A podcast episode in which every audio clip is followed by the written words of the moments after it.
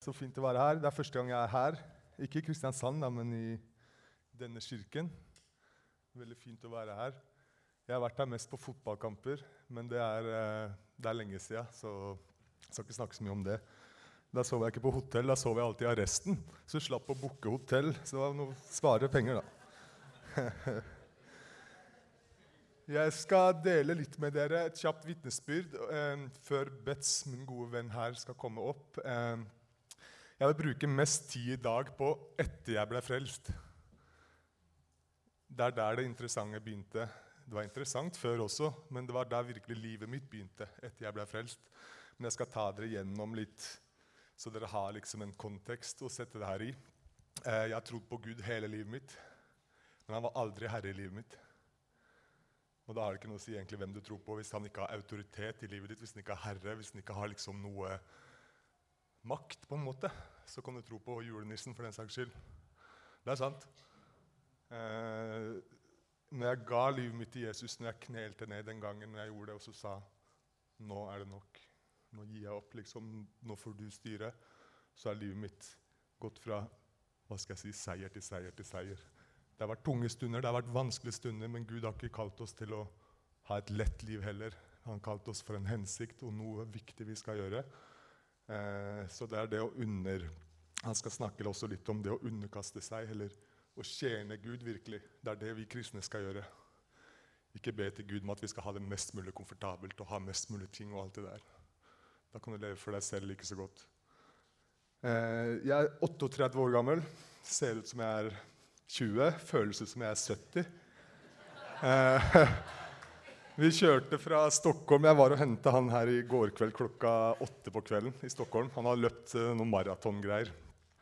Så körde vi direkt från Stockholm i går. Eh, dubbelt så fort som fartgränsen tillåter. Men vi har fått tillgivelse och vi lever. Så, men vi är väldigt glada för att vara här. Det är det jag ska säga. Han jobbar också med mig i Marita-stiftelsen. Han jobbar också i Heart Stockholm. Han kommer sikkert att dela lite om det etterpå. Jag ska ge en enda bättre introduktion när jag är färdig med mitt här. Jag växte upp i Oslo i 85. jag är född. Jag hade föräldrar som var kriminella i ungdomstiden sin. Faren min har suttit inne, mor min har suttit inne. Eh, de mötte varandra när de var 18 år gamla. Faren min har akkurat släppt ut från en dom Nymuckat, som man säger i Sverige. och av en eller annan grund så falt moren min for han. Det kan være at jeg ligner veldig på faren min, så han var veldig kjekk. Alle sier det, skjønner du. Men de blei sammen, og så blei de frelst ganske rett etterpå. så ble de kristne. Og de gikk på Oslo Kristne Senter, den menigheten. Um, og de har også gått på bibelskole der, foreldrene mine. Og så kunne ikke moren min få barn, Eh, når de hadde lyst til å få barn, så sa legen det er ikke håp, du skal aldri få barn. Men da gikk jo moren min på bibelskolen. Og du kan ikke si, da, du kan ikke si noe sånt der, da. For det eneste du gjorde, det bare ba til Gud at vi har lyst på barn, vi skal ha barn. Så jeg endte opp med å ha fem søsken. Eh, jeg er veldig takknemlig for det, at jeg har hatt en stor familie. Eh, hvis du har lyst på barn her, kanskje noen sliter med å få barn. Og det er, det er greit å være spesifikk noen ganger. Hvis du holder med to, så si det. Men jeg er veldig glad for at jeg fikk mange søsken. Jeg er veldig takknemlig for det. Jeg har veldig god relasjon med dem i dag. Så livet mitt husker jeg, det begynte bra. Eh, jeg hadde en bror som hadde hjernehinnebetennelse da han var ett år gammel. Da var jeg fire år gammel. Det er første jeg opplevde av Gud i livet mitt, for han lå helt nære døden. Blodet rant utafor kroppen hans. Han var helt ferdig. Han var hjernedød. Og de sa at han kommer til å dø så husker jeg at det var masse folk fra kirka der. når vi liksom skulle ta farvel med han. Så var det masse folk der, og de bare begynte å be. Alt håp er ute. Hva gjør du? Du ber til Gud. Alt håp er ikke ute. Menneskelig sett kanskje, men for Gud er det aldri håpet liksom over. Så Jeg husker at de ba der. Jeg husker glimtvis av det her. Jeg var bare fire år gammel. Men de sto rundt den sykesenga og ba. Så ble han friskere og friskere og friskere rett foran øya på oss. Og så sier legene, så kommer de dit at han liksom begynner å puste selv. og alt sånt der, Så sier de om han så overlever, han kommer til å være helt hjernedød. Han kommer ikke til å fungere som et menneske. To måneder senere så er han skrevet ut av sykehuset 100% frisk. Både psykisk og fysisk. Så Det er det første jeg husker av Gud i livet mitt. At Gud løser liksom ting. Gud kan gjøre det utroligste. Gud, For meg så hadde Gud en høy status når jeg var ung. Og jeg gikk på barnemøter, sånn som vi så her i stad. Jeg var med på alt sånt der. Jeg har hørt alle de historiene fra Gamle testamentet. Fine, mektige historier. Uansett hvor vanskelig det så ut, så løste Gud alltid det. Med Noas ark, med Jeriko der, med Daniel i løver. Alle de historiene, uansett hvor mørkt det så ut, så vant Gud. Gud kom alltid och ordna upp. Så bildet mitt var Gud var att Gud kan göra vad som helst, och Gud är god. Det var det bildet jag hade. Jag skulle önska att jag hade det. Ja, nu har jag det. Men jag mista det bildet av Gud, och det skulle jag inte finna igen för många år senare. För några år efter det skjedde, så döde minstebroren min, två år gammal, En annan som hade kommit senare. Då var jag åtta år gammal. Han döde bara brått i løpet av natta. Ikke heads up, inte någon möjlighet för att be. Ingenting. Han bara döde. Då tänkte jag, det var første gang jeg begynte Gud er ikke bare god. Hvorfor kunne ikke Gud gjort noe her? Han gjorde alt det her. Det var en som så å si var død, han gjorde han levende. Og så kommer det en som er helt frisk, som bare dør.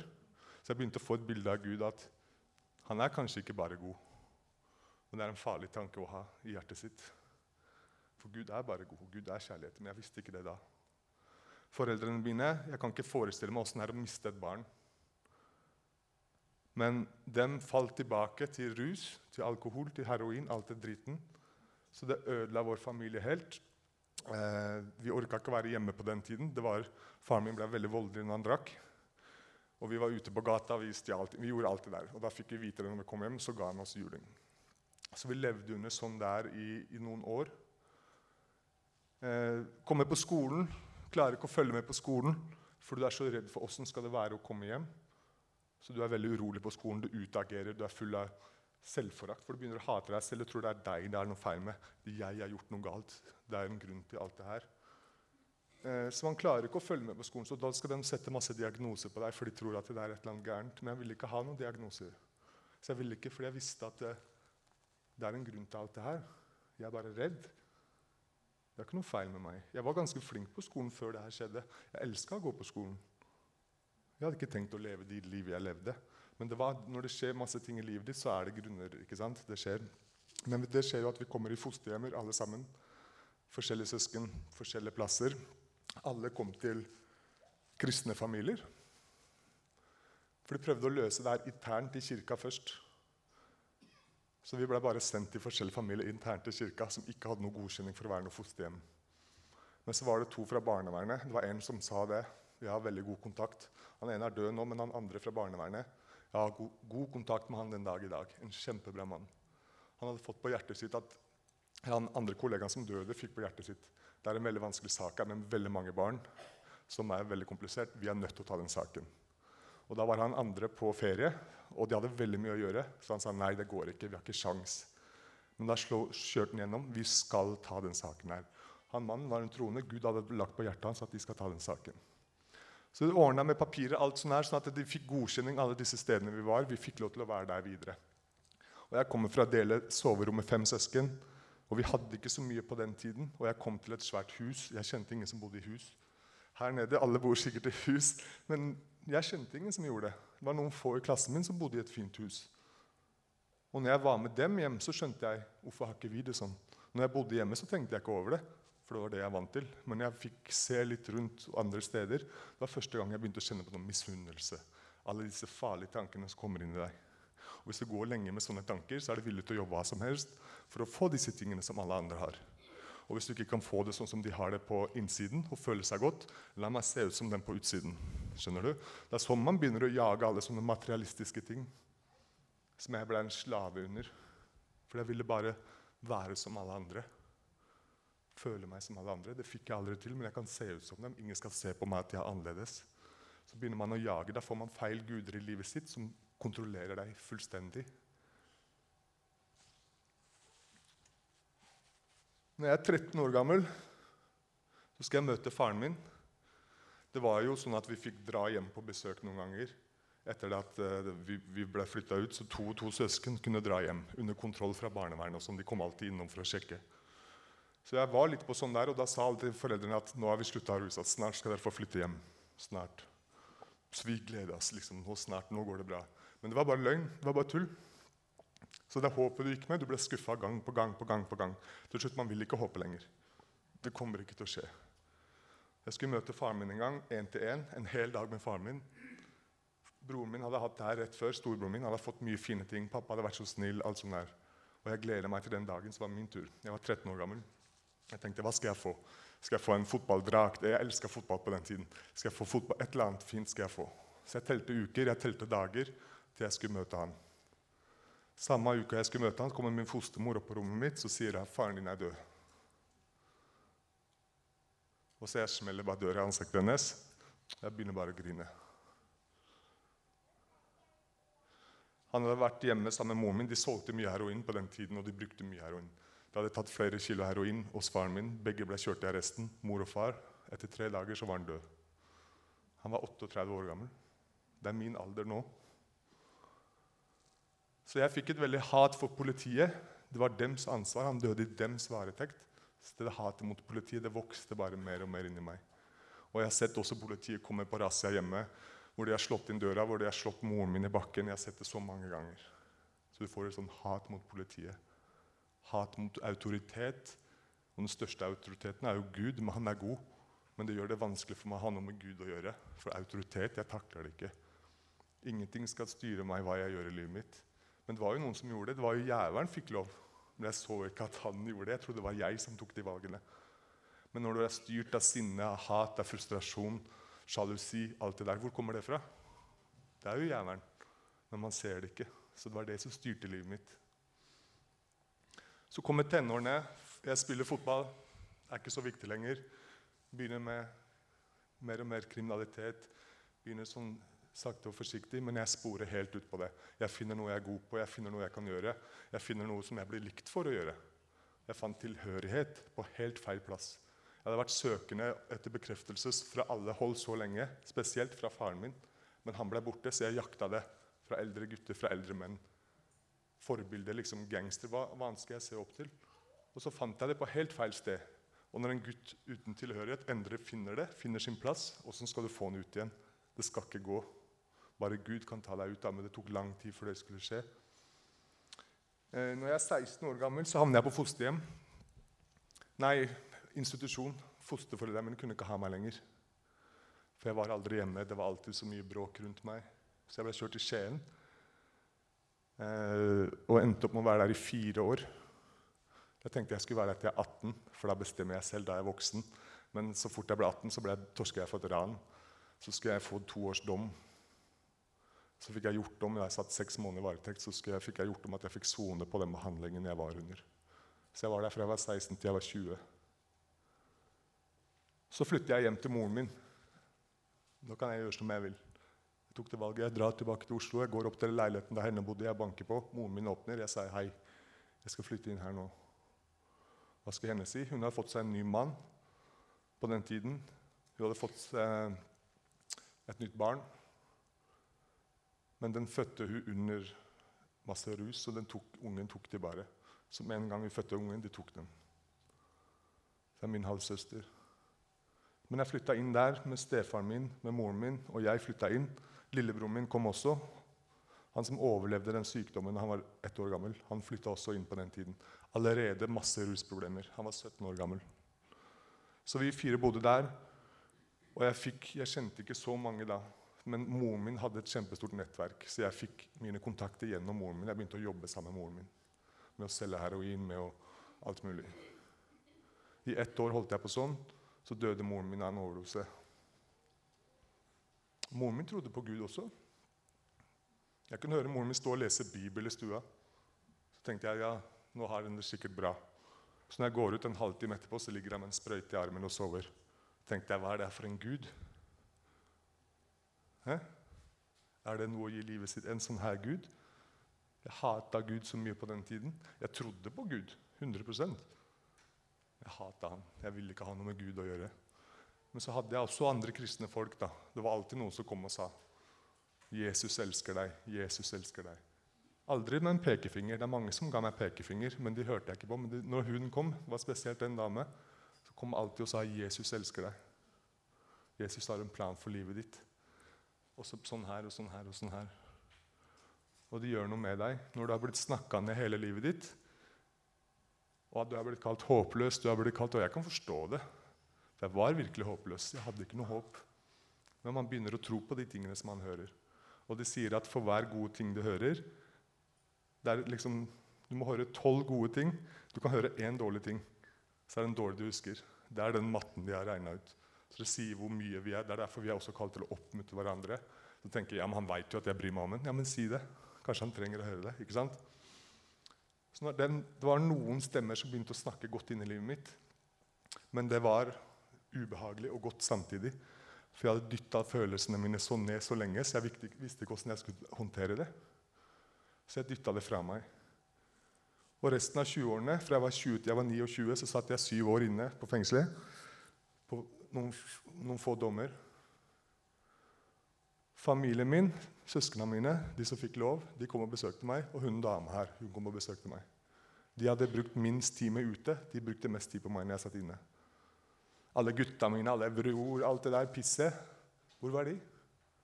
Kanskje jeg fikk ett kort, kanskje de sendte noe penger eller noen Nike-sko. et eller annet. Det første året. Men så kommer år to, så kommer år tre. Hvor er de? Nei, men du veit, bror. Det er bare snakk. Til syvende og sist så alle tenker på seg selv. Men man må lære kanskje på den harde måten, for man tror det er noe bedre enn det det er. Men hun dama fortsatte å besøke meg, og hun kom, alltid, hun kom med en bibel så sa ta den og les den. Jeg sa det er vanskelig å lese Bibelen. Så hadde man andre bøker fra noen kristne pastorer som hadde heller Vanskelig å være pastor hvis du ikke er kristen, for så vidt. Men det er sikkert noen som er det òg. Men de var kanskje mer lettlest. da. Så de leste jeg, så følte jeg det jeg kjente når jeg leste den, at jeg hadde fått samvittighet. Det var det jeg trodde. Jeg begynte å kjenne noe her inne som jeg ikke hadde kjent før. Så jeg dytta det fra meg, for det passa ikke. Jeg satt jo inne. Jeg kan ikke begynne å kjenne på de følelsene her. Men jeg hadde fortsatt å ha en dialog med hun dama fortsatte å besøke meg de tre årene jeg satt på den siste dommen. Så kom jeg ut, så tenker jeg jeg skal hjelpe min lillebror, for han sleit veldig med rus på den tiden. Jeg skal hjelpe han å slutte å ruse seg. Jeg skal hjelpe Han med heroin. Han gikk på alt mulig greier. Han har vært på veldig mange rehabs. Han har vært på rehab i Spania til og med. Hele Norge. Ingenting har funka. Ingenting. Så jeg sa flytt inn til meg. Jeg fikk meg en ny leilighet. Jeg skal hjelpe deg. Jeg hadde nok med meg selv. Men jeg sa jeg skal hjelpe deg. Jeg skal få det til. Etter ti måneder, når han bodde hos meg, så tok han livet sitt. Han orka ikke lenger. Han har skrevet en lapp i hånd, eller som han har knyttet fast i tommelen sin. Så skrev han jeg orker ikke å være en belastning lenger.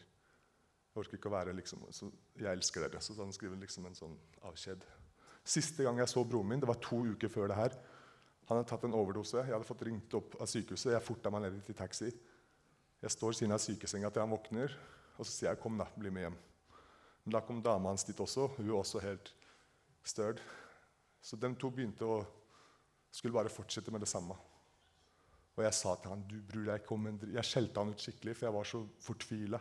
Så jeg sto og banna, banna han opp i ansiktet. liksom, Du fortjener ikke en dritt. Det var siste gang jeg så han.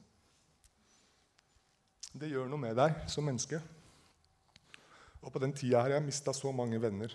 Jeg har venner som har hoppa foran toget. Det var en annen venn. Telefonen ringte en hel kveld på fredag. Det var han som ringer. Og Jeg hadde festa i mange dager. Jeg tenkte jeg orker ikke noe, jeg orker ikke å svare den telefonen. Så får jeg vite dagen etter han har hoppa foran toget. Venner som har hengt seg selv, som har skutt seg selv, som har blitt stikket ned, som har blitt skutt. Det er det livet vi lever. Hva tror vi skal skje? En gang også så hadde broren min tatt en overdose. han som tok livet sitt. Jeg drar på sykehuset, jeg sitter og holder han i hånda og venter på han skal våkne. Mens jeg sitter der, så triller det inn en annen person. Jeg snur meg rundt, Där er en annen kompis av meg. Jeg sitter i midten. Så akkurat som jeg kjenner at Gud sier til meg Ser du hvor livet ditt bærer, liksom? Gud har kalt på meg så mange ganger i livet mitt uten at jeg har sett det i det hele tatt. For jeg levde for meg selv, og jeg var styrt av et mørke og frykt og hat. alle disse tingene. Så kommer begravelsen til broren min. Fin begravelse. Og så sier hun dama, søstera mi, lillebroren min, det er flere, de skal på Hillsong Conference til London. Jeg hadde aldri hørt om Hillsong Conference. Men jeg, jeg visste at jeg måtte dra dit. Jeg bare kjente du skal dra dit. Så jeg ba en bønn til Gud. Så sa jeg til Gud Jeg kjente bare jeg må dra dit. Så ba jeg en bønn. Gud, svar meg på det her. Hjelp meg med det her. Jeg har masse spørsmål. Jeg må ha hjelp. Svar meg på det. Jeg skal følge deg 100 Veldig frimodig bønn når du har levd som du har levd i så mange år. Så tenker jeg bare eh, det skjer ingenting. Drar ned dit noen dager seinere. Kommer inn i arenaen. 20 000 mennesker.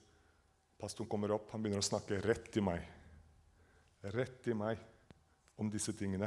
Og han går bare gjennom lista mi. Jeg har ikke sagt det her til noen. Han begynner sånn du, du, du, Svarer på alle disse spørsmålene og liksom sier alle det der. Jeg begynner bare å grine. Skikkelig. Og der kjente jeg første gang i livet mitt jeg kjente virkelig at jeg elska. Jeg kjente bare Guds kjærlighet omfavna meg der. Jeg kan ikke forklare på noen annen måte.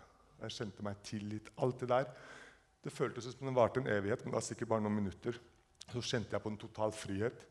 Og så akkurat Jesus som sa 'Kom nå'. Nå er det nok, liksom. 'Kom nå, følg meg'.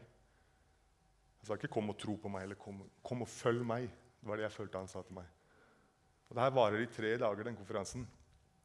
Så jeg er helt som berg-og-dal-bane. Kommer hjem til Norge, så tenker jeg 'shit, hva har jeg gjort nå?' Jeg lovte Gud, jeg. Men det var jo noen som sa 'du må følge det her nå'. Følge opp det her. Så jeg googla kirke. Hvor er det kirke? Og jeg bodde rett i nærheten av en kirke. Det er den som het Intro på den tida, som blei Hillsong en periode, som nå heter Puls. Så lenge de synger om Jesus, er det samme for meg hva kirka heter. Så jeg går der enda. Men jag tänkte okej, okay, jag ska ge den en chans till en kyrka. Finns, eller Det visar sig att jag har en väninna som går där, så jag ringer henne. Du, kan du möta mig på söndag, jag ska gå i kyrka. Jag vet du går där. Va? Ska du i kyrka? Ja, jag ska i kyrka. Ja, men så fint. Jag möter henne. Jag säger när vi går in, inte gå från mig för jag orkar inte stå och snacka med folk. Jag vill bara in och höra, liksom. Hon gick in, borta med en gång, för hon kände folk. Så jag stod i gången så som här Prøver å leke, bare se litt på telefonen. bare, Jeg har lyst til å dra. Alt inni meg sier 'dra, dra, dra'. Men jeg blir. Så jeg kommer meg gjennom det. Jeg går inn på møtet. Det er veldig fin lovsang. Pastor kommer opp, han begynner å snakke. Rett i meg. Rett i meg. Jeg hadde ikke bedt noen bønn. Ingenting. Han snakka rett i meg. Det hadde skjedd et eller annet her inne. Før så hadde jeg ikke noe her inne, men nå var det noe der. Så når, da da snakka det rett til meg, og jeg kjente bare det her, jeg skal være her. Og jeg skal være her hver eneste søndag. Jeg kan ikke bestemme meg neste uke om jeg gidder å dra eller ikke. Da kommer jeg aldri til å gå. Hvis jeg skal kjenne på følelser Nei, det nytter ikke. Jeg skal være her hver søndag. Jeg måtte være så hard med meg selv, for jeg visste at det var det jeg trengte. Jeg er litt sånn all or nothing. Jeg må være så ærlig. Så jeg begynte å gå der i kirka hver eneste søndag. Hadde det kjempefint på søndagene. Men mandag til fredag eller mandag til lørdag var veldig vanskelig. Jeg skulle kutte kontakt med et miljø også. Det er ikke gjort bare sånn. I hvert fall ikke for meg. Og jeg skjønte jeg kan ikke bare gå i kirka, jeg må ha en jobb. Jeg fikk meg en jobb gjennom en som jeg møtte i fengselet, som hadde blitt også kristen i fengselet. Som blei min avdelingsleder i Marita-stiftelsen. Han møtte jeg i fengselet på en Marita-samling. Så det er ikke tilfeldig hvor Gud liksom plasserer mennesker. Men så jeg jobba med han, så kjente jeg her det er et eller annet, det er noe mer. Jeg, for jeg trodde jeg hadde nådd målet. Jeg hadde tatt imot Gud og hadde begynt å gå i kirka. Jeg trodde, ok, det her er målet. Men det var noe mer her inne. En søken etter noe mer. Så jeg kjente at du skal døpe deg. Hodet mitt hadde ikke blitt frelst. Jeg hadde blitt frelst her inne, men hodet mitt hadde jo ikke glemt det der. Hodet mitt hadde masse ideer og tanker hva man kunne gjøre. Men jeg begynte plutselig å ha en stemme her inne som sier du skal døpe deg. Så jeg tenkte nei, ah du skal opp der du skal, Nei, jeg gidder ikke. Så sier du skal døpe deg, døpe deg, døpe deg. Til slutt så bestemmer jeg meg for å døpe meg. Jeg tenker Det er offisielt. Det er et standpunkt. Hvem side jeg har valgt. Så det er noe fint med det. Hele fosterfamilien min kom. Jeg hadde ikke sett dem på 15 år, kanskje. Mange venner kom. Jeg står der jeg døper meg i min Real Madrid-drakt, som er det beste laget i verden. Fordi jeg tenkte at jeg måtte ha hvite klær når du døper deg. Ja, det er sånn jeg tenkte. Og så fikk jeg en kjempegod idé at yes, Real Madrid har jo hvite drakter. Og jeg får en velsignelse når jeg døper meg. Og hvis jeg har på den, så kommer det velsignelse på Real Madrid. Ja, men det, er, det her er sanne tanker. Så det her tenkte jeg, så jeg var så kjempefornøyd. så lur. Så døper jeg meg der. Og så de tre neste årene så vinner Real Madrid Champions League. Hæ? Det er ikke tvil hvem Jesus heier på. i hvert fall. Men här begynte det något nytt för mig som jag hade aldrig gjort hela livet mitt. Jag hade följt de tankarna här uppe och det var bara mörker. Så när jag följde de tankarna, Det drog mig in i mer och mer problem, mer och mer mörker. Men jag började å här inne den stämmen. Du ska gå i kyrkan där. Du ska dra på den konferensen. Du ska döpa dig. Varje gång jag följt här, det har blivit något bra. Bättre än jag trodde. Jag kunde inte föreställa mig en gång. Så är den kampen, då. Vem, vem ska man höra? de stämmorna. Og jeg hadde det vanskelig fremdeles på ukedagene. Søndager var bra. Og så Da kjente jeg plutselig at du skal gå bibelskole. Så tenkte jeg nå, nå er det sinnssyk. Jeg er døpt. Jeg, hva mer skal jeg gjøre? Bibelskole. Jeg klarte, klarte, ikke å se det da, men jeg hadde jo et ønske om mer. Jeg hadde det vanskelig i ukedagene. Jeg hadde det bra på søndag. Og så ble det lagt på hjertet mitt at du skal gå bibelskole. Nå så kan man se at det er jo lett å se ikke sant, sammenhengen. Men der og da så skjønte jeg det ikke. Men jeg, til slutt så valgte jeg å gå på bibelskole. Og jeg hadde det plutselig ikke bra bare på søndagen. Jeg hadde det bra hele uka. Jeg begynte å kjenne Jesus personlig, begynte å bruke tid med han, alt det der. For jeg trengte en ny autoritet i livet mitt. For det var jeg som var den gamle autoriteten, trodde jeg, men det var egentlig han, han der nede. Så visste jeg at kristne for meg Jeg vil ikke være en sånn som Det er så mange kristne som går i den fella at de vil bare ha det mest mulig komfortabelt. Mest mulig fint, mest mulig greier. Sånn levde jeg i det gamle livet. Hvorfor skal jeg jage de samme tingene i det nye livet som jeg jagde det gamle? Og så skal jeg forvente nye resultater enn det som jeg fikk før. Så jeg bare prøver å ydmyke meg selv, fordi tankene kommer. Man vil ha det så brått. man vil ha det, ikke sant? Så man må bare, Fokuset må være på Gud hele tiden. Fokuset må være på Jesus. Det der oppe. Ting for evigheten. Sånne ting. Og det har jeg lært meg. For du er, om, du er nødt til å omgås også folk som tenker det samme, som vil det samme som deg. Progresjon i livet. Frelsen vår kommer av tro alene. Det er en gave vi får. Men det står ikke 'jobb for din frelse', men 'arbeid på din frelse'. Det står det faktisk. Og progresjon, hvis du skal ha progresjon i livet ditt, det er to ting. Det er retning, og det er innsats. Det er progresjon. Hele livet mitt så hadde jeg hatt innsats, men jeg hadde ikke retningen. Og da tok det deg feil sted hele tiden. Men nå etter jeg ble født på ny, så har jeg fått innsatsen. Det er Den hellige ånd. Det er kraften. Retningen, det er Jesus. Det er veien. Så alt får du i Jesus. Progresjonen, helliggjørelsen din. Men da er du nødt til å følge Jesus. Han er nødt til å være herre i livet ditt. Du veit selv om han er herre eller ikke i livet ditt, men du er nødt til å knele ned hver eneste morgen og lese en bønn som jeg har på telefonen min, som jeg skal bare ta kjapt.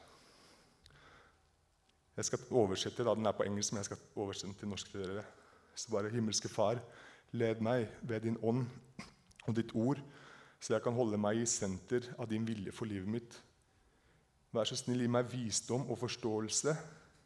Jeg vil bare gå de stedene du vil at jeg skal gå, og gjøre det du har kalt meg til å gjøre. At vi skal klare å ha de tankene her hver eneste dag vi står opp. For det er så lett å, å jeg ga livet mitt til Jesus den gangen. Men siden da så sakte, men sikkert så har livet liksom drifta av gårde. Så har du blitt mer og mer herre i ditt eget liv.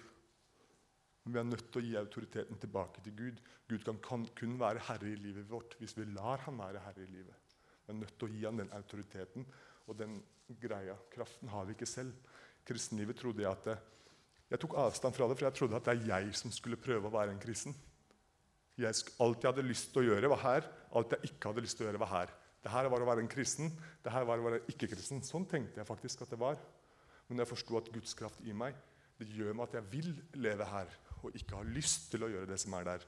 Men da er du nødt til å ha Den hellige ånd, den kraften. Det er den som gjør det. Hvis ikke så er det du som gjør det. Og da vil du fare vill. Paulus også, det jeg skal avslutte med det her. Jeg vil være en kristen som Jo mer du kjenner Gud, jo mer klarer du å gi kontroll over livet ditt til Gud. Hvis du ikke kjenner han så godt, hvordan skal du gi fra autoriteten over livet ditt? Så bli kjent med Jesus. Da er det lettere å underkaste seg han. Så vil jeg bare lese i apostlenes gjerninger. Paulus reiser jo mye rundt der på slutten. Og så Jeg skal bare hoppe litt fram og tilbake. Jeg orker ikke å lese hele her. Men det står der, jeg tror det er i kapittel 20, vers 22. Men nå ble jeg drevet av Guds ånd til å reise tilbake til Jerusalem. Veien går dit, tross for at jeg ikke aner hva som venter meg der. Det eneste jeg vet, er at Guds hellige ånd i by dette blir jeg minnet meg om at fengsel og lidelse kan ligge foran meg. Så han fikk en heads up at å følge Gud, det kan koste. Men så sier han noe som er fint, men for meg er ikke livet noe verdt dersom jeg ikke får bruke det til å fullføre den oppgave som Herren Jesus har gitt meg. Helt til livets slutt vil jeg spre det glade budskapet om Guds kjærlighet og tilgivelse. For en mann! Tenk om vi hadde sett inn i morgendagen og så bare Oi, her var det litt skummelt. Nei, jeg tror jeg skal gå den safe veien. Og så snakker man etterpå så klager man at kristen er litt kjedelig. og jeg ser ikke noe til Gud i livet mitt. Eller. Hvis vi er modige nok til å følge Jesus, så er Hans hånd over oss uansett. Og Det verste som kan se oss kristne, er at vi dør. Men vi skal leve selv om vi dør. Så det er også det beste som kan skje oss. Så la oss bare leve frimodige med den troen på Gud og den autoriteten vi har fått i Han, og holde oss nær til Han, så er det det som klarer å ta oss til mållinjen. Så det var egentlig det jeg hadde å dele med dere. Så skal Betz få komme. Jeg brukte litt lang tid, så jeg, men dere får være tålmodige. Jesus kommer snart tilbake.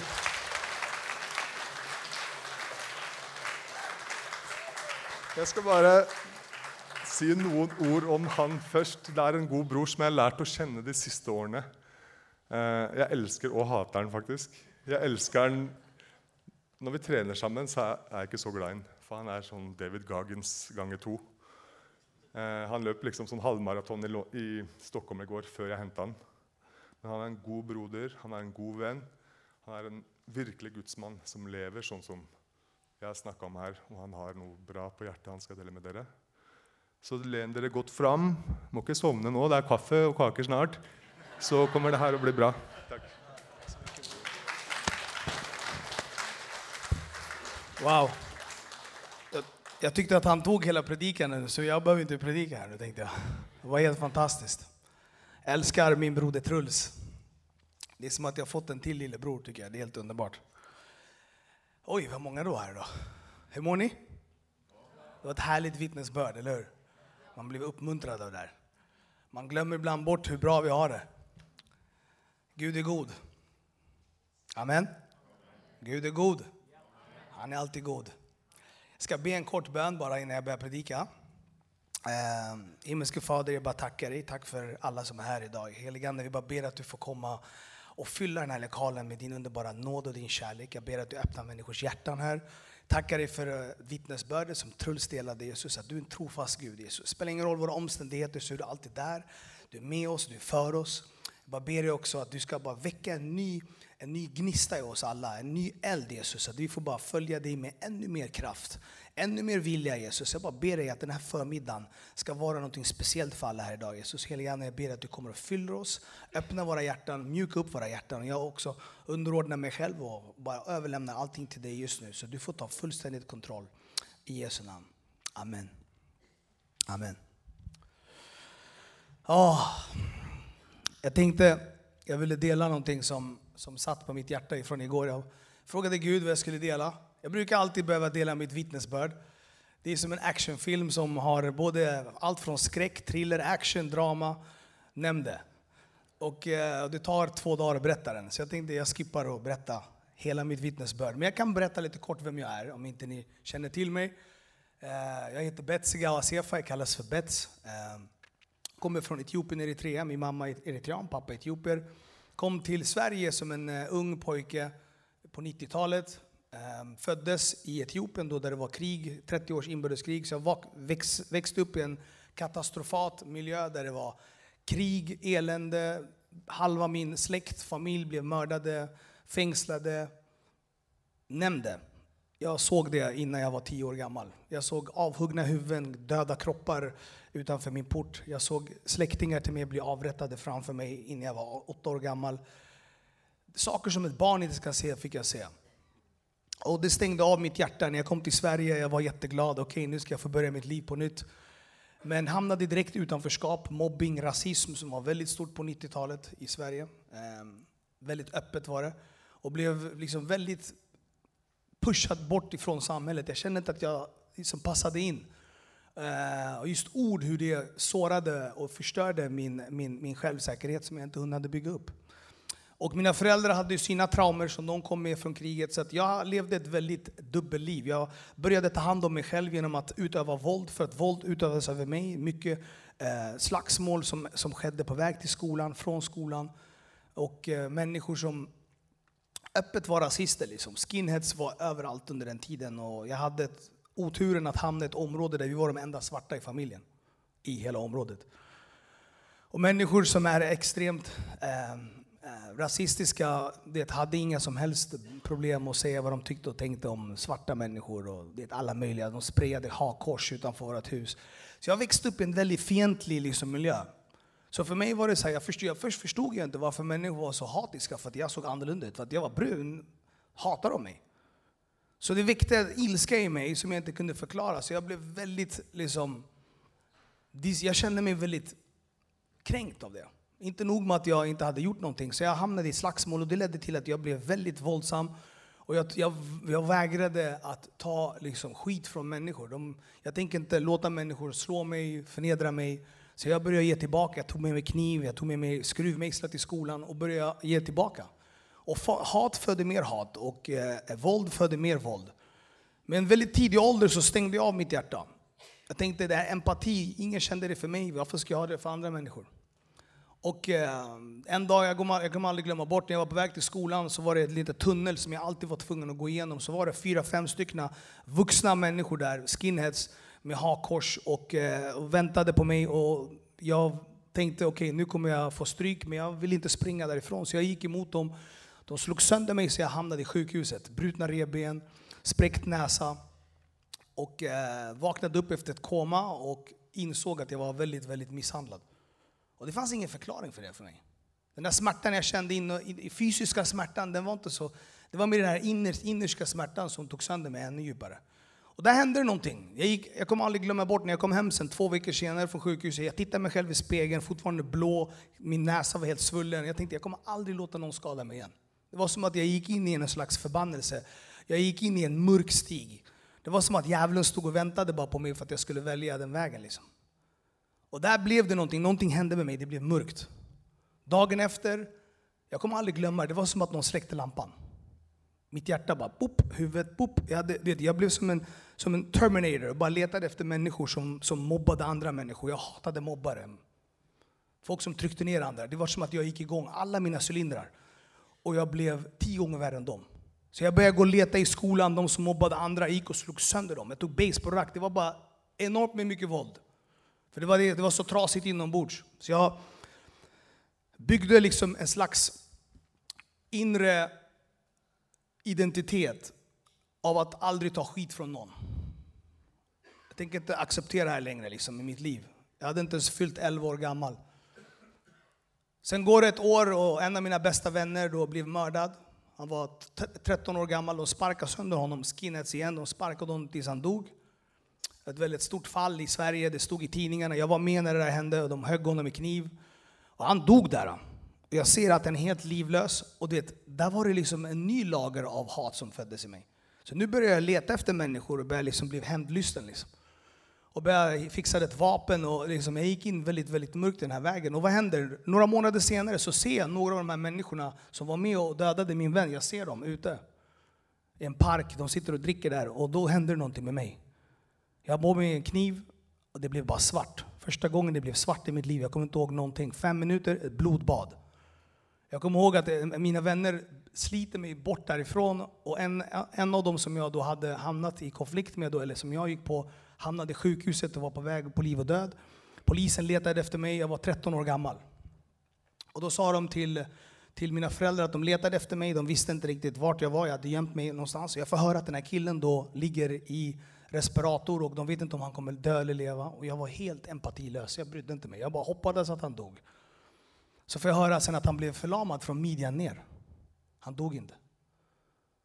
Och hur arg jag vart, min vän sa till mig, är inte du glad att han inte är död? Jag sa, jag hoppas, varför dog han inte? Jag var helt bara tom inombords. Men massa saker hände under min uppväxt och jag hamnade i mer och mer liksom, eh, mörker där jag började komma in i tung kriminalitet och blev väldigt, väldigt nyfiken på vad är vägen till frihet? Det var det jag satt och tänkte. Jag känner mig bunden sen jag var född. Jag hade ingen som helst känsla av frihet förrän jag landade i Sverige. Jag kommer ihåg, det var snö, jag var jätteglad. Jag tänkte nu ska jag få börja mitt liv på nytt. Det var den där lilla känslan jag hade förrän då. Hur kan jag få den att bibehållas? Hur kan jag få den här fulla friheten att kunna bara andas in, andas ut och, och vara glad att jag lever ens? Jag hade inte den känslan. Så jag tänkte pengar kanske måste vara det, för jag ser att alla har pengar här. Min mamma tog mig till second hand-butiker, jag kommer aldrig glömma det. Det var där jag köpte mina kläder. Och min mamma sa, här har du en ny 70-tals manchesterbyxor och, Och komma till skolan med de där, jag trodde att jag var jätteglad för det var nya kläder, men barn retade mig såklart. Jag började inse då sakta, så här, okay, här uppe i Norden då, så, det, så verkar det som att de som har pengar verkar må bra. Så jag inbillar mig att pengar är nyckeln till frihet, det måste det vara. Så jag började jaga pengar. Och jag var duktig på det. Jag insåg en sak. Många har sett den här Robin Hood, filmen Robin Hood. Har ni sett den? Disney. Jag såg den filmen, då insåg jag att jag vill vara även. Jag behöver pengarna. Så jag blev en slags hjälte, jag skapade en hjälte inombords. Jag var den förtryckta, jag ska ta pengar från de rika och ge till mig själv och till de fattiga. Så jag började då fokusera på vad finns det pengar? Jo, banker och transporter. Okej, okay, det finns pengar där. Så jag började liksom studera. Mitt första rån gjorde jag när jag var 15 år gammal. Fick en halv miljon. Jag var duktig på att göra det. Djävulen använder dig när du har en flitig hjärna. Har du, har du en, liksom en orädd, orädd mentalitet eller liksom entreprenörs liksom hjärna som alltid vill se lösningar. Det använde djävulen till något väldigt mörkt för mitt liv. När jag var 16 år gammal så gjorde jag mitt första bankrån. Och jag gjorde en, en, en massa värdetransportrån innan jag var 17 år gammal. Jag var miljonär innan jag var 18. Hjälpte inte. Det här hålet som jag försökte fylla på med pengar hjälpte inte. Jag trodde makt skulle kanske ge mig mer, mer på den vägen. Hjälpte inte. Så jag kom in till sikt med, när jag sitter där i den här lögnen och pöl jag har skapat nu. Pengar har jag, makt har jag. Jag har respekt vart den än går. Jag har människor som ser upp till mig. Och ingenting av det här är egentligen vad jag vill ha. Jag vill bara en sak. Jag vill ha frihet, jag vill ha kärlek. Jag kunde inte fylla det med något av de här sakerna. När jag är 20 år gammal så är jag en av, en av Nordens mest flitigaste rånare. Jag har, gjort, jag har gjort rån i fem år och har mer pengar än vad jag kan göra av med och mer problem än vad jag kan göra av med. Så jag hamnade i konflikter med många olika liksom, konstellationer i Stockholm. Och tyvärr så när folk ser dig, att du är en ung liten grabb från ett annat land som åker i en fet bil eller smycken, och det, blir, det, blir, det blir avundsjukan och det händer saker och ting. Mina vänner som jag var, tog med mig på de här rånen, började liksom, det blev konflikter, det blev skottlossningar. Och till sist började jag nu, börjar vi gå och jaga människor helt plötsligt. Vi åker runt i bilar med skottsäkra bilar och fullmunderade västar och kalasjnikovs det blir bara helt hetsigt från ingenstans. Mina vänner började en efter en dö. Jag insåg det här livet som jag börjat gå in i börjar bli, börjar bli riktigt, riktigt djupt nu. Och jag var helt avstängd inombords. För mig var det enda sättet att överleva och vakna på morgonen var just att stänga av mitt hjärta, som jag gjorde när jag var 13 år gammal. Så när jag är 20 år gammal, under den här tiden så är jag jätteduktig i skolan. Jag var en expert på att leva i masker. Jag hade en jättefin relation till min mamma och pappa. Ni måste ha tänkt så här, vad sa din mamma och pappa? Ingen visste. Jag var en mästare på att manipulera. Jag var mästare på att ha masker. Du visste inte hur jag mådde för att jag har lärt mig att jag var bra på att fejka det. Min mamma ska inte vara orolig, inte min pappa heller. I skolan, jag var en clown, jag skojade runt, ingen vågade mobba mig. Jag gick runt och, liksom tog sönder människor som mobbade andra. Så där hade jag det bra. Sen på kvällarna där ingen visste, det var då jag gick runt och letade efter nya banker och transporter och råna. Så jag levde ett liv liksom, i tre olika masker. hade jag. Och under den här tiden så var jag också med i juniorlandslaget i amerikansk fotboll och var med i distriktlaget i boxning. Jag var en elitidrottare. Jag hade så mycket energi, jag hade så mycket stress och ångest hela tiden inombords med som jag försökte få göra bort i skolan. Jag gick till liksom idrotten där jag gick och försökte liksom ta mina syskon till bibelskolan eller till söndagsskolan på söndagar. Så jag var en jätteduktig pojke, min mamma älskade mig. Jag städade, bäddade min säng, tog med mig mina syskon till kyrkan och på helgerna gick jag då och rånade banker och transporter. Det var ett liv i totalt stress. Tomheten var stor. Och ni ser, allt det här jag gjorde, tänkte jag var bara en tonåring. Man tänker, hur hann du göra allt det här? Jag sov kanske en till två timmar om natten. Jag hade så mycket konstant liksom driv inombords mig. Det här sökandet, längtandet av att kunna känna frid. Sen går det i alla fall en tid och när jag är 20 år gammal, när jag kommer från USA, jag var den första svensken som fick stipendium för att åka till USA och spela amerikansk fotboll. Jag var en av de bästa i, i Europa. Jag hade ingen som helst intresse och vilja i det där. För mig var det bara, det ser bra ut när jag gör det här, för då kan ingen se vad jag gör på helgerna. Så för mig var ju alla de här var ju bara liksom, jag var en kameleont. Jag hade ett mål, att jag ska vara så rik så att jag ska kunna ta min familj och köpa massa mark och hus. Allt det där var bara lögn. Hur jag insåg det, jag kommer aldrig glömma det. Jag sitter i en källare och jag räknar en jättestor byte efter ett rån. Jag tänker, nu är jag klar. Jag räknar pengarna och det är mer än vad jag, kan, vad jag vill ha. så hörde jag en röst på min högra axel. Sa till mig, Bets, du måste göra mer. Första gången jag hörde en röst. Jag vet idag att det var djävulen. Det här räcker inte, du måste göra mer. Och jag som är förtvivlad, jag bara, det är sant, det är därför jag känner den här tomheten. Jag bara, jag måste göra mer pengar. 5-10 miljoner måste jag ha. Så vad händer då? Jag blir helt besatt och jag går i den riktningen. Liksom. Det fortsätter, det blir värre och värre rån, det blir skottlossningar, människor dör och människor åker fast. En dag då så åker jag till USA, jag fick stipendium, jag är där två år och så kommer jag tillbaka på min terminavslutning och då står polisen och väntar på mig. Tänkte jag har aldrig suttit häktad, ingenting. Jag har suttit och liksom bara gjort de här sakerna utan att bli tagen en enda gång. Polisen står där och väntar på mig. Jag tänker, vem, vem väntar de på? Det kan inte vara mig. De tar mig, stoppar in mig i bilen, kör mig till häktet och så säger de till mig att du är misstänkt för 12 grova rån och du, vi vet allt du har gjort och det är kört för dig. Någonting hände i mig och jag blev så här, va? Vad har hänt? Vem har golat? Tänkte jag i mitt huvud. Vem har då skvallrat på mig? Tänkte jag. Hur som helst, jag sitter i häktet 18 totalt månader. 13 av dem satt jag i fulla restriktioner. Och det är hemskt att sitta 13 månader med fulla restriktioner som en 20-åring. Där började då mitt liv spelas upp igen. Jag började tänka igen, jag började tänka vad är det som har hänt med mitt liv? Varför hamnade jag här? Kommer jag ens komma ut? Rädsla, fruktan. Jag känner skräck inombords som jag inte kunde förklara med ord. Sen kommer då dagen jag ska gå till rättegången. Sex månader rättegång hade de. Och det stod i tidningen överallt om vem, vem jag var, en lovande landslagsspelare. Allt det här och det, mitt dubbelliv nu var helt ute i det offentliga. Nu kunde inte jag gömma mig längre. Min mamma och pappa. Den skammen jag hade när jag kommer in i tingsrätten med fötter och mina händer liksom kedjade och jag ser att det är polis, säkerhetssalen och det är polis överallt. Jag skämdes. Jag kunde inte ens titta på min mamma och min pappa i ögonen. Det enda jag kunde tänka på att de tog mig från ett land som var kaos. De ville ge mig ett bättre liv, jag kom till Sverige. Och där har jag då levt ett dubbelliv. De har ingen aning om jag har skämt ut dem, jag har skämt ut mig själv. Jag kände sån skam och skuld. Och sen då rättegången börjar, då börjar åklagaren måla upp en bild av mig. Monstret Bets, han har levt ett dubbelliv, han är så, han är si, ha. Och jag bara kände så här. inombords så var det någonting nytt som hände där. Okej, okay. jag var chanslös. Så de målar upp en bild av mig som jag absolut, jag vill inte vara någon gangster. Det var inte min dröm. Mitt mål var bara att hitta en väg ut. Jag tänkte jag såg Robin Hood, jag vill göra pengar. Så jag, jag, vill inte vara fattig och gå med second hand-kläder. Jag vill ge mina syskon kläder och liksom leva ett bra liv. Varenda jag ville. Det har aldrig funnits någon dröm om att vara någon gangster eller någon rånare eller no, ingenting. Jag hamnade där. Av mitt trasiga hjärta. Av min trasiga lilla pojke. Och så står då åklagaren och målar upp den här bilden av mig. Och jag får en inre hat. Jag var okej, okay, det är jag mot samhället nu. Det är jag mot polisen, det är jag mot myndigheten. Om ni kallar mig det så ska ni få tio gånger värre när jag kommer ut. De har redan till och med lablat mig och sagt Bets rånaren. Det var min identitet nu. Jag var helt chanslös. Men en sak hände med mig. Jag gick tillbaka in i min cell igen. I Stockholm så finns det här Kronobergshäktet. Man får gå under en tunnel. Jag vet inte om det är en halv kilometer. Det är långt. Tillbaka till din cell och där hinner du tänka. Jag tänkte så här, när jag kommer upp dit så måste jag be en bön. Gud, du måste hjälpa mig här nu. Jag vill inte känna den här ångesten och stressen och pressen jag känner inombords. Jag kommer upp på kvällen dit och sätter mig i min cell och börjar tänka. Dagen efter kommer jag få min dom nu. Jag har ingen aning om vad jag ska förvänta mig. Min åklagare säger att du kommer få nio år, du får räkna med det. Och jag bara går på mina knän, jag tänkte jag måste be en bön här nu. Jag måste be, Gud snälla. Och innan jag hinner be, klart en bön som jag tänkte, ja, så här ska jag be. Och så sätter jag mig och ska be.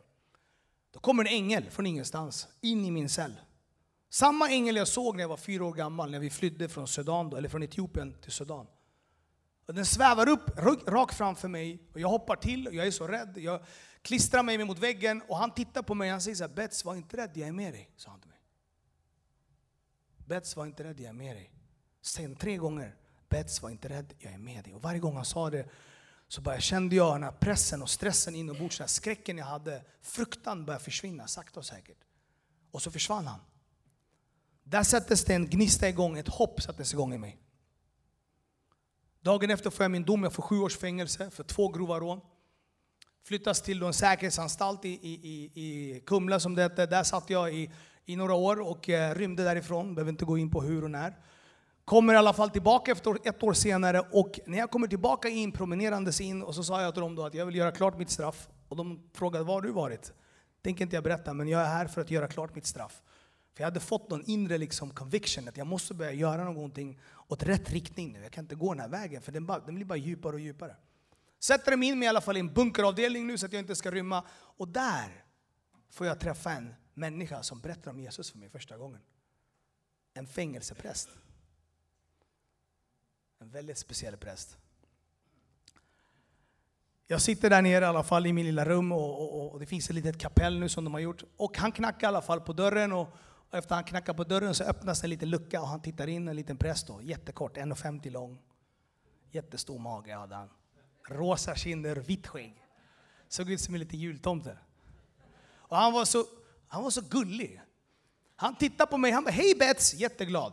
Jag tänkte hur kan han vara så glad?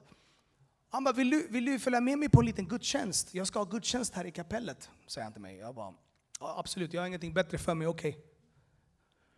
Lite nervös var jag, så jag följer efter honom. Han går där och nummar i, liksom, i en, liten, i en liten psalm. Så kommer han i alla fall till kapellet och så sitter vi där helt ensam. Och då vänder han sig om till mig efter att han har sjungit en psalm. Bets, har du hört om Jesus? Jag bara, ja, jag vet vem Jesus är. Men har du hört om Jesus och de två banditerna på korset? Jag bara, nej. Jag har bara sett ett kors. Jag har aldrig sett två kors bredvid. Aldrig hört det. Vill du att jag ska berätta? frågade han mig. Jag bara, absolut. Låt mig höra. Jag har ingenting bättre för mig. Så jag sitter där och lyssnar på honom. Han berättar med passion. Han säger Jesus stod på torget och hela folket skrek och valde ut en annan bandit istället för Jesus. Han förklarade för mig vad som hade hänt med Jesus några timmar innan han skulle bli korsfäst. Jag sitter där och lyssnar som ett barn.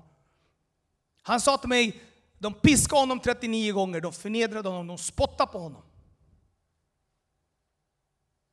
Sen ber jag honom att bära ett kors upp för en berg som heter Golgata. På vägen dit så var det människor uppradade längs väggen och spottade på honom och skrek, kastade tomater. Sen kommer de upp hela vägen upp till, till Golgata. Lägger honom på ryggen, en jättestort kors som han har burit på, fått till och med hjälp på vägen upp. Så spikar de in fingerstorlekar av spikar i hans händer. Tänk dig så här tjocka spikar in i hans händer och fötter. Mitt hjärta går sönder, jag hör det här. Jag blir helt förstörd inombords. Det där hårda hjärtat jag hade alla åren, det börjar bli mjukt. Fattar inte varför. Jag blir helt gråtfärdig. Vad är det som händer med mitt hjärta just nu? Och då säger han till mig, den här prästen, att Jesus, de reser upp honom och så hänger det två banditer bredvid honom. Ena är mördare, den andra är rånare, sa han. Jag bara, rånare? Jag är rånare. Det var det första jag reagerade. Jag började identifiera mig med den här banditen. Då, då sa han till mig att det började hända en konversation där uppe. Han sa den ena, den ena mördaren började förnedra Jesus. Han sa, inte du Messias, Guds son? Varför räddar inte du dig själv och oss? Ha, ha, ha, ha. Typ. Och jag blir jättearg. Jag sitter och hör det här. Jag tänkte, varför skrattar han åt honom? Varför beter han sig där mot Jesus? Vad har Jesus gjort honom? Så jag går fram och tillbaka i det där kapellet, jätteupprörd. Jag är helt inne i den här storyn nu. Och då börjar den här prästen skratta åt mig. Hi, hi, hi, och hans lilla mage, vet, och han är så rolig och han skrattar åt mig. Jag tänkte, vad, vad är det som är så roligt? sa han. Han var precis som du reagerade, reagerade den andra banditen, sa han. Förstår ni vad han försöker göra här? Och jag sitter där, okej okay, visst, jag lyssnar. Den ena då sa till den andra, skäms du inte? Vi hänger här skyldiga. Vi förtjänar det vi har fått. Men Jesus är helt oskyldig. Han hänger helt oskyldig här. Och så vänder han sig till Jesus och så frågar han Jesus, Jesus kom ihåg mig när du kommer till ditt rike. Och då vände sig Jesus till honom utan att tveka en sekund. Han sa, redan idag är du med mig i paradiset. Boom, sa det i mitt hjärta då. Bara i tusen bitar. Jag sitter där i en säkerhetsanstalt, lyssnar på den här prästen och berättar för mig vem Jesus var. Där fick jag veta vem han var. En som möter dig i alla lägen. Till och med när ditt liv är på spel så är han där med dig. Jag blev så berörd av det där. Jag gick tillbaka in till min cell, jag tänkte så här. Det är det där jag har sökt hela mitt liv. Den här kärleken som är villkorslös. Tänk dig, han är skyldig och hänger där och ska dö, men Jesus sa redan idag är du med mig i paradiset. Inte när du har bekänt alla dina synder eller gått två år i bibelskola och när du har gått och sagt förlåt till alla människor du känner. Nej, han sa redan idag. Han vill ha ett mjukt hjärta, ett hjärta som är omvändbart. Ett hjärta som är villigt att ge honom allt. Och det där talade till mig jättestarkt. Och mitt liv började där, att söka efter Jesus. Och det här var då när jag sitter i, i Kumla, i bunkern. Det går massa år fram. Jag ska spola fram lite, så ska vi gå in i min predikan nu. Nu har ni fått... Jag, ska, jag, jag gör en cliffhanger på er där nu. Disciplin och karaktär. Det är titeln idag jag vill, jag vill dela med er idag. Och att vi ska disciplinera och vi ska eh, våra tankar och våra munnar så att vi ska få Guds karaktär. Väldigt starka ord alltså. Jag älskar det där, lite soldatmentalitet. Vi måste vara soldater för Kristus. Vi lever i en tuff tid där det är väldigt mörkt där ute, eller hur? Det kan vi hålla med om, eller hur? Vår värld den, är liksom, den blir värre och värre. Jag bryr mig inte vad människor säger om att den håller på att bli bättre. Nej bror, nej syster, det är en lögn. Jesus kommer snart. Vi märker det på alla små och stora saker. Det händer sjuka förändringar i våra samhälle, i vår politik, i människors inställning. Vad som är rätt idag är fel. Och vad som är fel är rätt. Enligt människor, har jag fel eller? Det är helt sjukt. Och vi måste sluta att titta bort, att inte säga vad som är rätt. Rätt är rätt, fel är fel, enligt vad ordet säger. Eller hur? För ordet är sant, det är levande. För det är det som förändrar människors liv. Det här är liksom utandat av den heliga anden, för det är vår blueprint. Det här disciplinerar vår karaktär. Och för mig när jag mötte Jesus, när jag fick höra vem han var där, den, den villkorslösa kärleken, att han möter dig vart du än är. Och det spelar ingen roll vem du är, eller vad du har gjort eller var du kommer ifrån, så tillhör du ändå honom om du vill bli tillhörd honom. Om du säger jag vill ha dig Jesus, jag behöver dig Jesus. Som Truls sa, vandringen börjar när vi säger ja till honom 100%. Och det är inte bara på söndagar. Det är inte på måndagar eller onsdagar när jag var hemmagrupp. Det är varje morgon. Varje kväll. Vilken är motstånd du kommer igenom på den dagen så säger stopp, säger du där. Så tar du ett steg tillbaka och säger Jesus, nu får du ta över. Det, där är, det är 100% Jesus. I alla lägen, alla väder i ditt liv, så ska han alltid få vara herre och mästare i ditt liv. Inte det sista valet, utan alltid det första valet. Det är disciplin. Och ha en disciplinerad liksom, tankar och mönster. Jag ska ge er några nycklar, livlinor som jag fick av den heliga Ande. Heligan som ni säger här i Norge. Jag tycker det är mycket finare att säga. Heligan. Säger jag rätt eller? Ja, det är bra. Vad ditt hjärta och ditt sinne är fyllt av talar ut din mun. Eller hur? Det vi tittar på konstant, vad vi sitter och fladdrar och bläddrar igenom, liksom all, all den här nya generationen sitter och kollar på massa skräp. Det, det är bara vad det är, det är skräp. Vi kollar på alla möjliga liksom appar och det är massa liksom sociala medier. Och det är ju liksom programmerat för att den ska ta vår tid och fokus ifrån oss. Och från vem ska den ta ifrån? Jo, från din familj och från Herren. Så disciplinen kommer här nu att veta, var går min gräns? Så jag har sagt till helige Ande, jag sa till honom, helige Ande, du måste vara hård mot mig. Ja, du behöver säga till mig som om det ska behövas en röd flagga inombords. När jag sitter och bläddrar, säg så här då till mig, det räcker. Jag ber sådana här böner varje dag. När jag gör någonting för liksom att jag börjar fladdra iväg i mitt, i mitt eget jag, mitt kött kanske är på väg att aktiveras. Säg till mig heliganden. Inte när det är för sent. Disciplin. I att veta mina gränser, mina svagheter. Om jag har haft problem med alkohol, då går jag inte in i en bar, eller hur? Så finns det ett liv där man också haft ett väldigt bekvämt liv, där man känner att jag har inte haft så mycket problem. Det är ett farligt läge. Väldigt farligt att tro att man inte har problem med någonting. Att man lever det här tysta, ljumna. Vad säger Jesus i Uppenbarelseboken? Han säger jag spottar ut den som är ljummen. Hårda ord. Han vill att du hellre ska vara varm eller kall. Jag vill vara brinnande för Jesus. Jesus vill att du ska vara brinnande för honom. Att disciplinen, det är engagemangen du lägger ner. Disciplinen är, vad lägger du först? Dina känslor eller Guds ord? Låter du dina omständigheter ta dig och föra dig i din egen väg? Eller låter du honom stå fast i de löften han har sagt i, i ordet för dig och din familj. Amen. Jag ska ge, ge er några, några jättestarka punkter som jag... Hur gör vi det här? Hur gör vi då för att disciplinera våra, våra tankar och våra munnar? Då ska jag ge er den första Första, identifiera och ta reda på roten, sanningen. Exempelvis om du hamnar i lögn. Varför hamnar jag i lögn hela tiden? Eller varför har jag oförlåtelse? Du måste först och främst identifiera problemet. Det står så här då i Johannes 8.32. Är ni med mig om ni har biblarna? Läs dem om ni vill. Då står det så här. Ni kan lära känna sanningen och sanningen ska göra er fria. Amen. Sanningen ska göra er fria. Ibland gör sanningen ont, eller hur? Det är som att man rycker bort ett plåster. Det gör ont, men det behövs.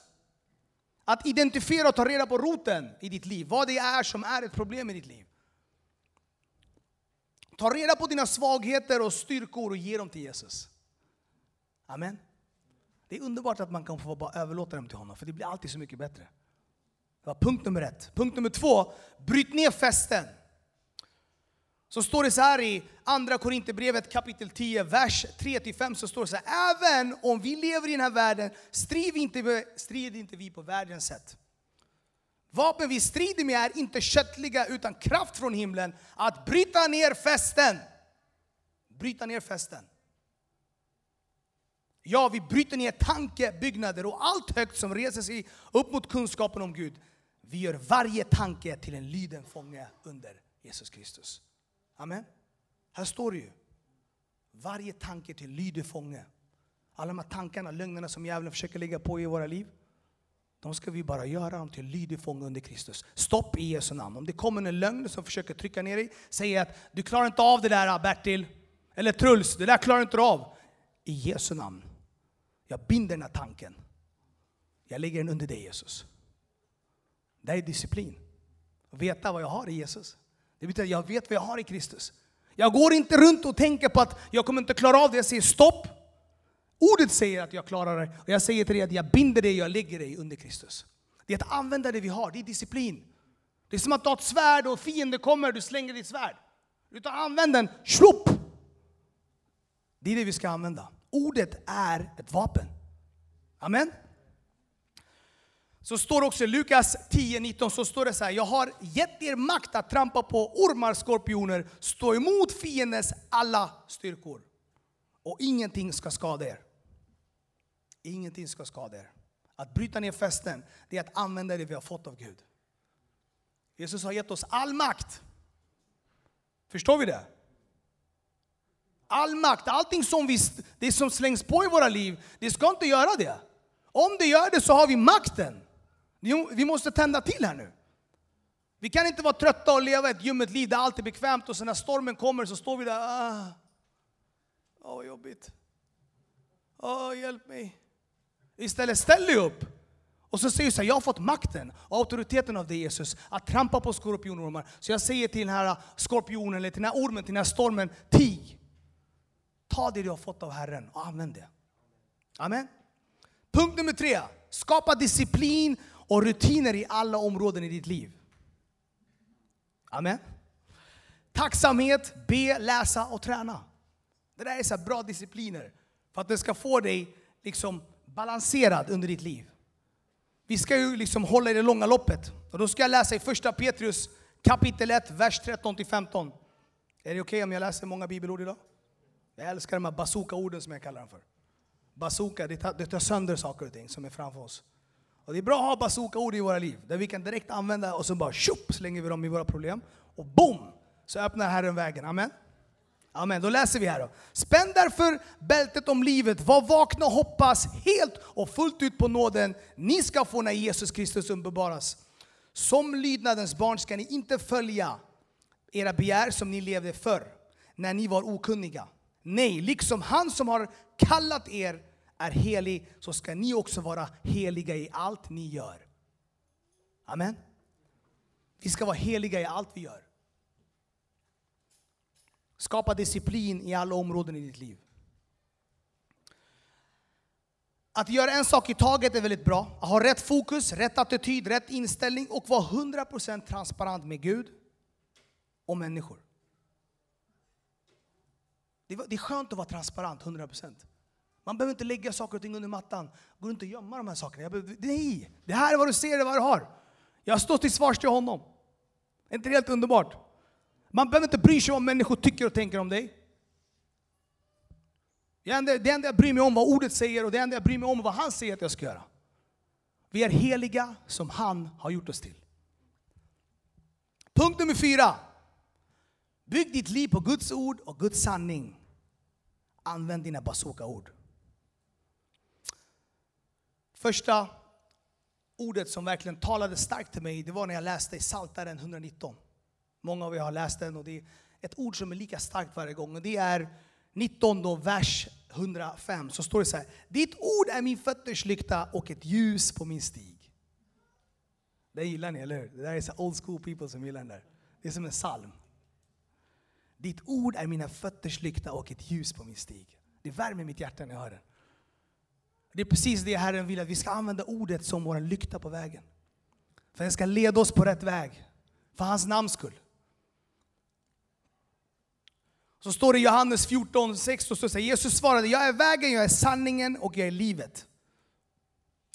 Ingen kommer till Fadern utom genom mig. Vi får inte glömma det. Det är han som är vår bro. Bron över. Du kan inte simma över den där strömmen. Glöm det. Då drunknar du. Ordet nämner flera gånger levande och verksam. Levande och verksam. Och det är just, vad är levande och verksam? Jo, Guds ord. Det står också i brevet kapitel 4, vers 12, så står det så här. O, Guds ord är nämligen levande och verksam. Det är skarpare än ett dubbeleggat svärd som tränger sig djupt i våran inre. Den återskiljer själ, ande, led, märg och avslöjar hjärtats uppsåt och tankar. Därför är det så viktigt med ordet. Att fylla på med ordet, använd ordet, leva ordet, ät ordet. Det bygger dig. Det ger dig disciplin, det ger dig karaktär. Jag gillar brodern där, han hade ett, ett stabil bibel där alltså. Den där jag ska köpa en sån, Fokus. Och det bara, vet du vad jag gillar? Det var bara Norge som hade den, sa han till mig. Fokus heter den. Bra ord. Fokuserad. Bygg ditt liv på ordet. Och på de löftena Gud har gett dig. Det finns tusentals löften här. Eller hur? Hur många vet att det finns tusentals löften här? Hur många vill ha de här tusentals löftena i våra liv? Amen! Det är bara att ta dem. Tack Jesus för att du har sagt det här. Tack Jesus för att du har sagt det här. Och stå på dem, för det finns i varje situation i ditt liv där du går i, så använder vi ordet för det finns för varje situation i ditt liv.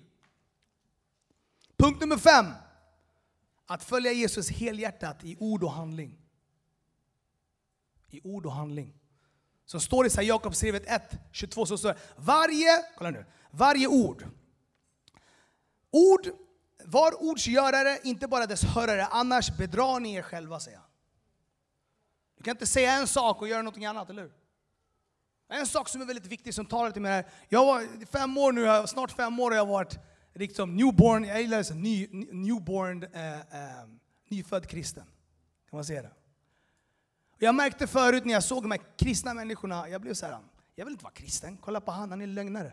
Han är en hycklare. Förstår ni hur viktigt det är att vi lever efter vad vi läser? Vi lever efter vad vi lär. För när vi får människor att titta på oss som ska se Jesus i oss, inte hur vi talar, utan hur vi bara är. Hur viktigt det är att du ska vara Christ-like, Jesu lik, i ord och handling. Det är ett ansvar vi har nu i de här, i de här tuffa och mörka tiderna. Jag, jag som en gammal gängmedlem och gängledare så hade jag ju levt många, över 23 år var jag det. Okay? På, på, på, på det grövraste, på, på den högsta nivån var jag. Jag var liksom över hela världen, höll på, sett allt. Över 43 av mina vänner har dött. Tre av mina bästa vänner dog i min arm. Alltså jag har blivit skjuten två gånger, dött en gång, huggen fem gånger. Jag har sett det mesta. När en människa som kommer från något sånt mörker ser en människa som är fylld av Jesus. Du behöver inte säga mycket. Du behöver gå fram till honom och ljuset i dig skiner i den människans liv. Amen.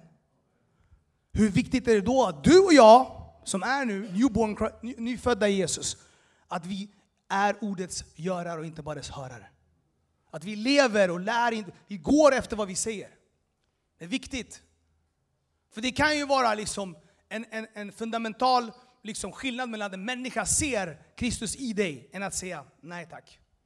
Det där är ingenting jag vill följa, kolla på honom eller henne. Förstår ni vilka ansvar vi har?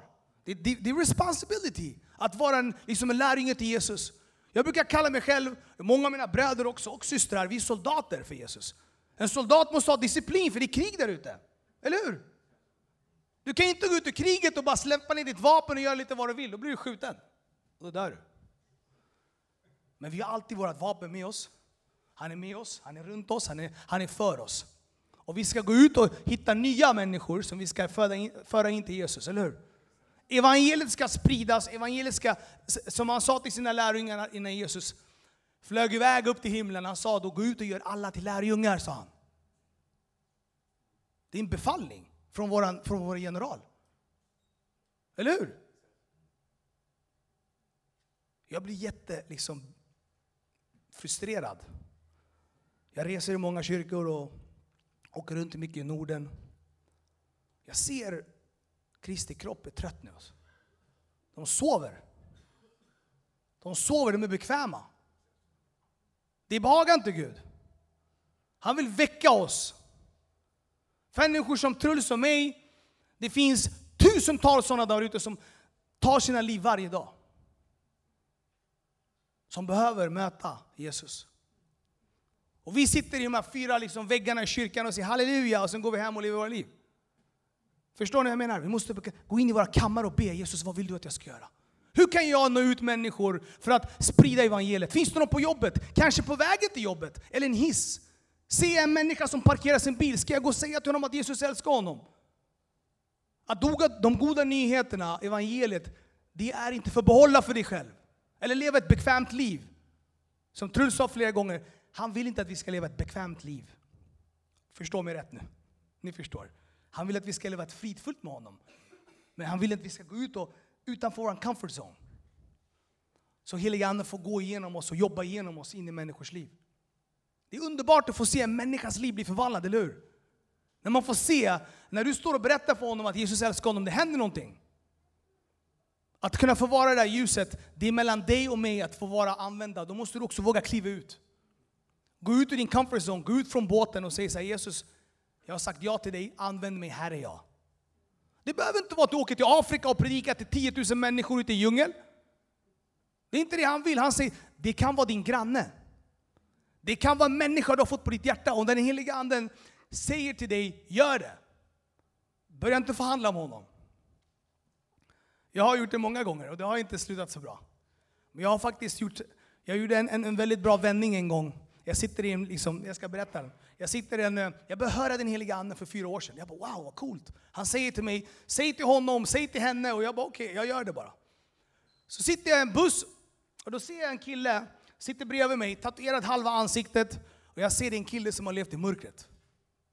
Jättelänge, han är helt deprimerad och ångest. Och jag ser honom, han ser mig, han är arg. Och jag har bara kärlek för honom. Och då säger Helige anden till mig, säg till honom att jag älskar honom och att jag ser honom. Jag bara, ah. klockan sex på morgonen. Jag bara, jag är jättetrött. Jag är på väg till bibelskolan också.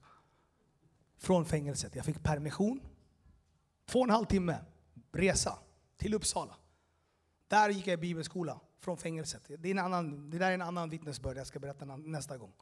Jag sitter där ah, och då säger helige Ande till mig, säg till honom att jag älskar honom, att jag ser honom. Okej okay, helige Ande, du börjar förhandla med honom. Hur många här har förhandlat med den heliga anden? Don't do it, säger jag bara.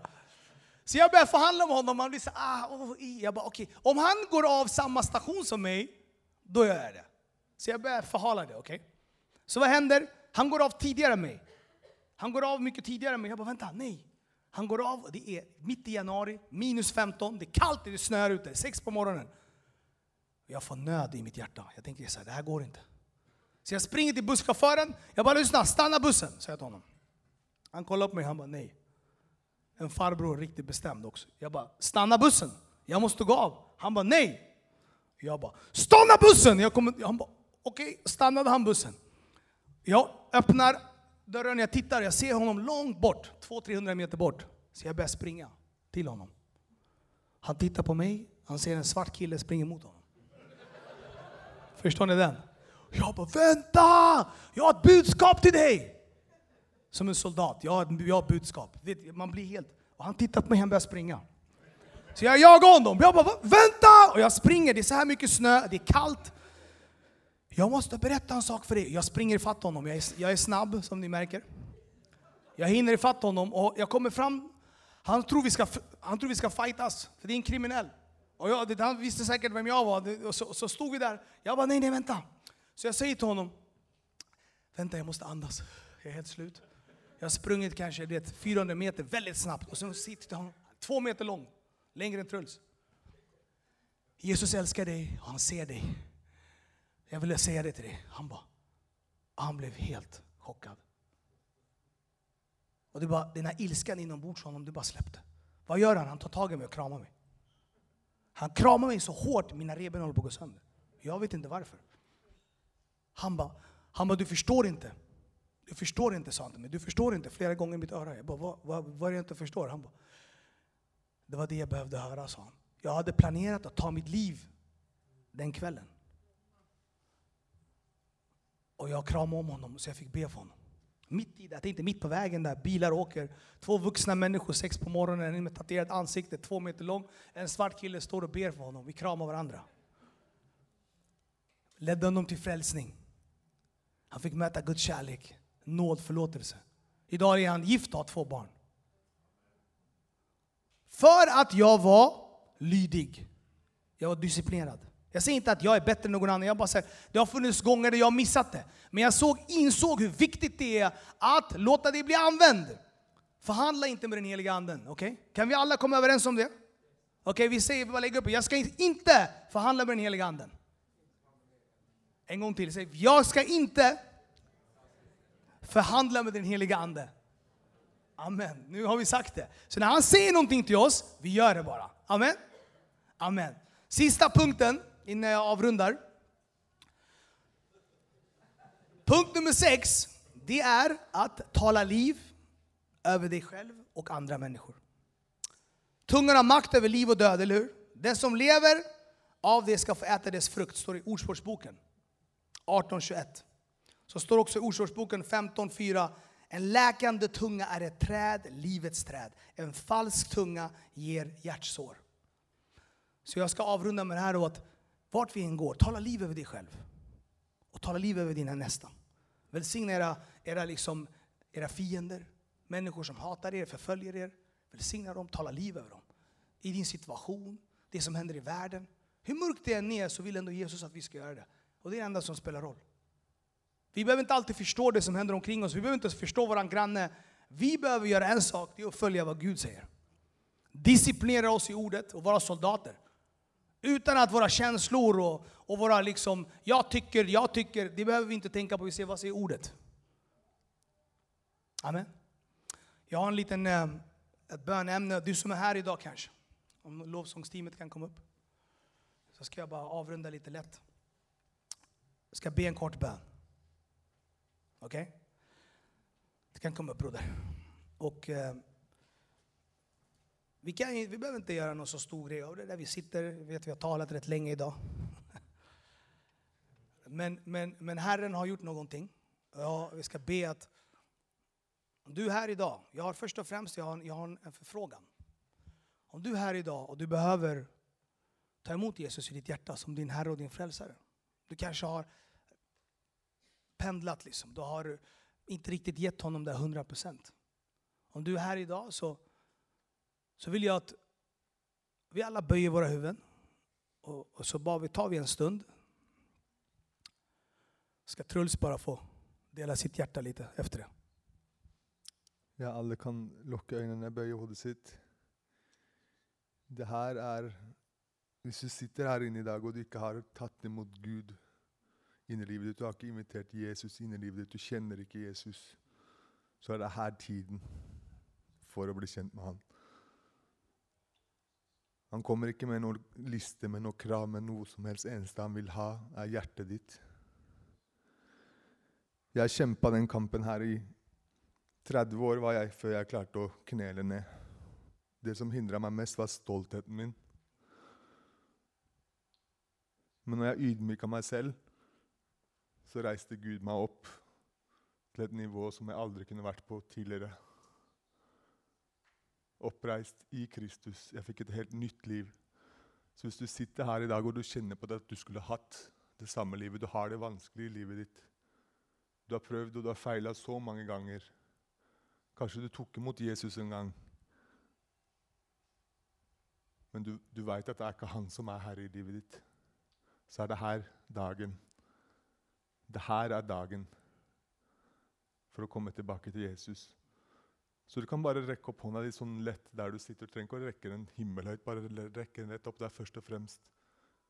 For å vise for deg selv og for Gud at du vil gjøre noe annet i livet ditt. Så vil Gud komme og møte deg der du sitter. Han trenger seg ikke på. Han står bare og banker på hjertet. Står der og banker.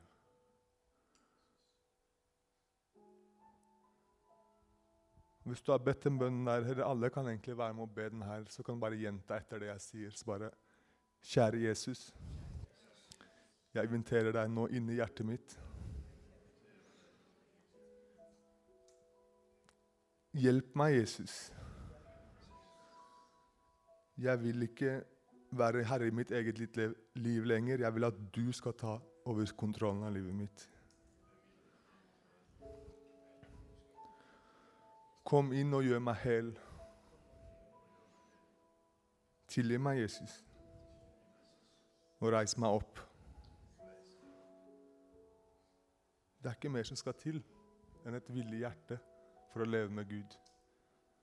Det är inte vi som ska vara kristna. Nu har du fått en autoritet in i livet ditt. Låt han bli kjent med han, sånn som vi har hørt her i dag. Guds ord, hör på lovsang, finn deg en kyrka å gå i. Så börjar du där. Del det med en venn hvis du ikke har gjort det. Så begynner livet med Gud, og det kommer til å ta deg til, til et sted du aldri har vært før. På et veldig bra plass i livet ditt. Og Hvis du sitter her også og du sliter med et eller annet, om det er depresjon, om det er avhengighet, om det er et eller annet tankekjør, om det er sykdom, et eller annet, så kan dere få lov til å komme fram bare og stelle dere framfor scenen her, så skal vi be for dere. Det er noen forbedere her også. Jeg kommer til å være med å be, Betz kommer til å være med å be. Uansett, hvis det bare er noe du vil, som du trenger å bli bedt for, så bare kom og stell dere fram her. Ikke tenk på det, hvem som ser, ikke ser. Bare kom fram hvis det er et eller annet. Du kjenner det inni deg nå, det er et eller annet du trenger bare at blir bredt litt ekstra for, så skal vi stå her og ta dere imot. Så bare vær frimodige.